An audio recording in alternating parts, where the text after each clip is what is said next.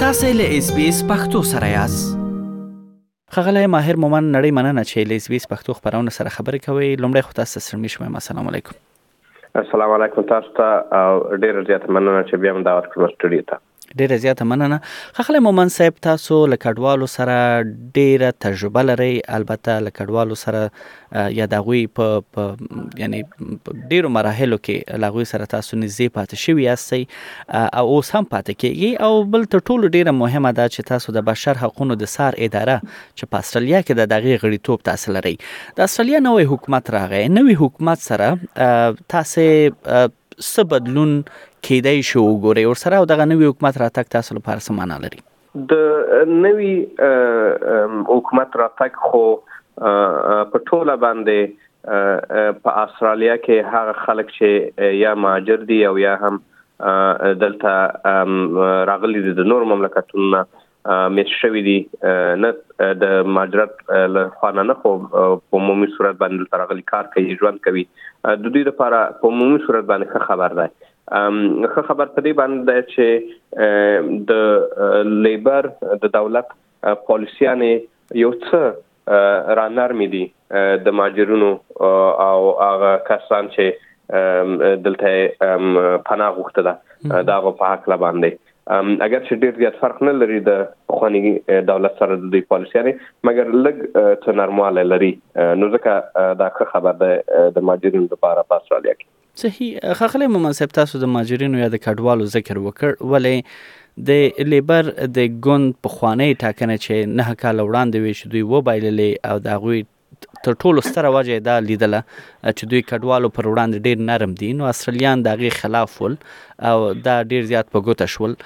اوس آیا لیبر به بیا هم خپل هغه په خوانی دریز چې دوی ټاکنې هغه لپاره بایللې وی البته کډوالو سره دا غوي نږدېواله وو دغه دغه یو ریسک به واخلي او بیا به هم کډوالو ته مثلا د ځینې لارې پرانیزي یا تاسو په نظر پالیسیان نه بدلیږي نه د استرالیا دولت چې تور د مخکې ولو او اوس چې دی دوی یو عمومي پالیسی لري په نوم د اپریشن ساون بارډرز د دغه اپریشن ساون ساون بارډرز درې پایې دي یو پایه دا ده چې کله چې کشتیان راځي ام که دغه سیف وسیږي نو دغه باید برته وګرځول شي هغه مملکت د کوم ځای چې راغلي دا یو پایه ده دومره پایه دا ده چې هم خلک چې دي کډوالۍ لپاره چې راځي هغوی درېیمو مملکتونو کې میشت کړي لکه نارو، مانس او دا ځایونه ترڅو چې د دوی هغه کیسونه په استرالیا کې دي پروسس شي او درېیمه پایه د دغه اپریشن ساوند بورډر د پالیسۍ دا ده چې خلکو ته باید موقتی ویزې ورکړي کوم کسان چې کډوال دي کډوالۍ لپاره راغلي دي او دغه ریفیوجي کیس قبول شوی هغه ته فقط باید ټمپرري پروټیکشن ویزاز ورکړي نو دغه اپریشن ساوند بورډر چې ده درېغه درې پایې لري یوازینی فرق د لیبر د دولت او د کولیشن د دولت دا ده چې لیبر وایي دغه ټمپرري پروټیکشن ویزا چې دی دغه منګه پرمننټ اړو مګر دا چې خلک را پریدي په د بهر له لارې راشي یا خلک دلته میشت کړي هغه دوه پایي چې دی د دغه اپریشن ساوت بورډر د پالیسۍ دی په مکمله توګه باندې تطبیقوي او دا اعلان هم کړی چې موږ په هغه کې هیڅ تغییر نه راولو رښتیا هم خغل مومن صاحب ډیر زیات یو مهم ټکی ته مو اشاره وکړه چې هغه کسان چې په استرالیا کې لړمحالو یا موقت ویزو باندې یا ټي پی ویز باندې دوی ژوند کوي په هغې کې ډیر شمیر افغانان جوړوي چې یعنی شاوخوا شپږ زرو څخه هم د هغوی شمیر ډیر ښودل شوی دی دا خبر به هغوی لپاره څه معنا ولري ځکه چې اکثره کسان تاسو به خپل ورسره مخامخ شوي یاست او هرومرو هغوی سره مو لیدلي دي چې د هغوی شاوخوا ځینې کسان داسې هم دي چې لس کاله کېږي چې انتظار وباسي او هغوی همداسې موقتو ویزو باندې دي هغوی لپاره دا خبر څنګه دی یا څنګه یې ګوري هغو کسانو لپاره چې دلته په استرالیا کې تیار راغلي دي او اوس فعلا دوی په موقت ویزو باندې دي دا ښه خبر دی د دغه دولت د راتګ په ټولنه کې په استرالیا کې دلته اتل زره کسان د موجود دي چې و اته لاس کال پورې حتی کیږي چې دلته میشت دي مګر دوی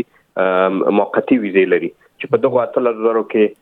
یو ډیر شمیر د دغو کسانو یا افغانان دي یا ایرانیان دي یا د نور مملکتونو دي نو د دوی لپاره دا ښه خبر دی لیبر اعلان کړی دی چې دغه لپاره دوی هغه د ټمپرری پروټیکشن ویزه خبره شته دوی نه مني دوی وایي چې دا خلک باید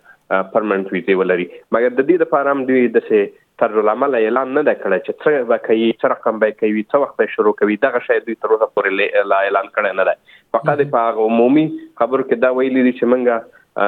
کښتیګانې نه راپریږدو چې راشي، بېرته یې شړو او که خلک حتی موږ ګیر هم کوو په بحر کې، هغوی موږ په درېیو مملکتونو کې مېشت کوو او درېیمه ماده چې د هغې پالیسي ده چې خلکو ته باید دایمي ویزې ورکړل شي او موقتي ویزې ورکړل شي او دایمي نه. په دغه کې فقط دوی اختلاف لري دوی چې نه کوم کسان چې دلته تیار راغلي دي هغه ته منګه دا په نظر کې لرو چې هغه ته مو دایمي ویزه ورکو صحیح مومن صاحب یو بل مسله چې تاسو هم له کډوالو سره ډېر نږدې کار کړی دی او لري په خوانه دغه تجربه تاسو لري آیا دغه خبر چې د لیبر د ګوند نرمي د هغو کسانو په اړه باندې چې دلته په استرالیا کې لړمحالو ویزو باندې ژوند کوي هغه ته داسې غیر مستقیما وعده ورکړ شوې ده چې هغه دایمي ویزو ته یعنې اړه وي آیا انساني قاچاقبران یا قاچاق وړونکي چې دي دا پیغام به دوی هغه کسانو ته چې په زرهاو بیلابیلو دغه یعنی ختیځ آسیایي هوادونو کې میش دی غواړي چې استرالیا ته راشي نو هغه ته به دغه پیغام ورسیږي او دغه د کښتۍ راتګ به بیا پیل شي زما په اند باندې انساني قاچاقبران به د دغه نوي دولت د راتګ نه هرومرو غواړي چې استفاده وکړي مګر د استرالیا نوی دولت چې دی په ډیره ټینګه اعظم باندې دا خبره کړې ده چې دوی اماغه اپریشن ساون بورډر چې دا یو ملټری اپریشن دی دا نظامی خلک دي چې دا چلوي لکه دا پوځیان دي چې دا چلوي دا فقط د دوی د ماجرونو وزارت نه دی چې دا وچلوي هغه نظامیان دي چې دا چلوي د دوی هغه جنگي کشته دي په بهر کې هلته مستقر شوی دي دوی وایي چې هغه کې موږ هیڅ تغییر نه راولو مګر زما په خپل شخصي نظر باندې دا قاشقبران ور دینه استفاده وکي ځکه چې اقلا دا غو درو ماده له جملې نه دوی یو ماده چې دوی د بین نه وړي نو دغه د پاره کېدای شي چې هغوی خلکو ته دا هغه ورکړي وعده ورکړي کوم کسان چې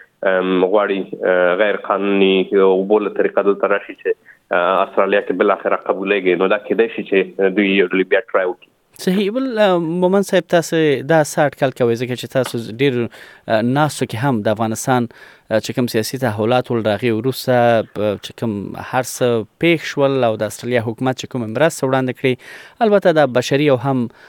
د د زینو کسانو راوستل او د ویزو اعلان په زینو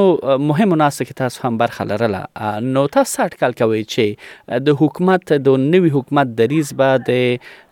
افغانستان په اړه باندې یا هغه کډوال چې په افغانستان کې دی او بیت دلته په استرالیا کې میشتيږي دا به څومره توپیر وکړي آیا دغه ویزه چې 15000 شاوخوا یې لا یا دوه دېرش زره اعلان شوي دي، څلور کلونو لپاره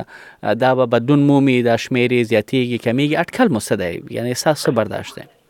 زما په نظر باندې زه ډېر زیات خوشبینه نه یم چې لیبر به هم د دې نه ډارېږي چې یو شي باندې چې دوی پخوا هم دولت بایللی و هغه د مهاجرینو خبره وه، نو زما په نظر باندې په آینده کې به دوی ډیر زیات محتاط اوسیږي چې مهاجرینو سره که ډیر ځان دوی بیا ښه کی نو بیا به هم دوی د پاره جنجال جوړ شي په آینده انتخاباتو کې نو ځکه زما په نظر باندې د څه کېدای شي چې زیات تغیرات را نشي خو زما په شخصي نظر باندې امکانات د دې کم دي چې دوی د دغه عمومي تعداد د کلنی زیات کی صحیح بل زما وروسته پوښتنه بل تاسو خدا وي مومن صاحب دا چې د بشر حقوقو سر اداري غړي توپ دلته په استرالیا کې تاسو لري د نوي حکومت راتګ سره تاسو د بشر حقوقو موضوع چې د استرالیا حکومت باندې ځینې په خوا دغه څه دغونه هم لګیدلې ول په نړیواله کچه باندې او ځینې اندېښنې څرګند شوې وي نو څومره خوشبین استئ چې ځینو هغه مسایلو ته چې تاسو په خوا یې حل نو لیدلای هغه نوي حکومت لاندې حل وګورئ د بشر د حقونو د څار ادارې د انتخاباتو نه مخکې دغه میجر پارټیز ته او عمده پارټیانو ته یو خط لیږلی و چې په هغې کې مختلفو پالیسیانو باندې دوی نظر غوښتلی و چې هغه کې مهاجرین شامل دي هغه کې د کلایمټ مسایل شامل دي په هغه کې نور مسایل شامل دي او په دې اړه باندې د هر یو پارټي چې دا مخصوصاً د لیبر د کولیشن د لیبرل او د ګرینز د دغوی نظر غوښتی و هغوی خپل نظرونه وړاندې کړي دي هر یو پالیسی مورد کې چې دا د استرالیا د حقوق بشر د ویب سایټ د پاڼې نه تاسو پیدا کولای شئ البته دا په انګلیسي ژبه باندې دي په دری یا پښتو باندې موجود نه دي په هغه کې چې زه خپل شخصا وینم دا زما شخصي نظر ده چې ما کله ولیدلو د دغه مختلف پارټیانو ځوابونه زما په نظر باندې د لیبرال د پارټۍ په نسبت باندې د لیبر جوابونه خول او د لیبر د جوابونو په نسبت باندې د ګرین د پارټۍ جوابونه خول د ماجرونو په برخه کې د محیط زیست په برخه کې دغه سه نور مسایل چې د حقوق بشر پورې اړه لري په دغه ټولو اړه باندې عمده سوالونه شول په دې کې د ګرین د پارټۍ هغه جوابونه چې دي ډیر فیصله مثبت ول نسبت دغه دوه نور پارټیان ته مګر په په لیبر چې د پارلمان کې قرار لري د جوابونو لمخې صحیح نړۍ مننه خغل مومن صاحب په دغه موضوع مو لا روښانه کړه په دې هیله چې د اوریدونکو د پام وړ هم ګرځیدلی وي تاسو خورز لري خې چاره